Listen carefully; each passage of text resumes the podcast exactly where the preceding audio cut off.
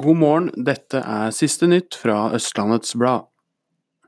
På et ekstramøte i går diskuterte politikerne i Ås mobbeproblematikken i kommunen. Politiker Bengt Nøst Klemetsen fra Høyre forteller til ØB at eh, det kommer mange henvendelser fra foreldre som mener at de ikke er ivaretatt av skolen eller kommunen. Det var årsaken til møtet.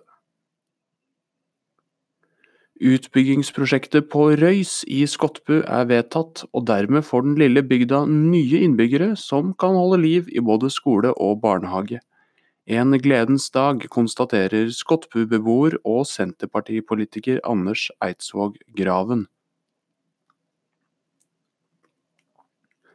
Det kan være utrygt å kjøre hesteekvipasje i trafikken, og Sara Kinge Bergland på Søndre Ås gård frykter for at eh, liv kan gå tapt om ikke bilistene skjerper seg.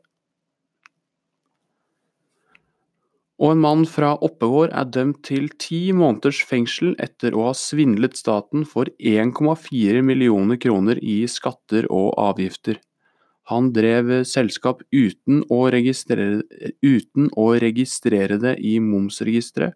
Han førte ikke regnskap for selskapet, og han unnlot å føre opp lønna fra selskapet på sin egen selvangivelse. Siste nytt fra Østlandets Blad fikk du av Eirik Løkkemoen Bjerklund.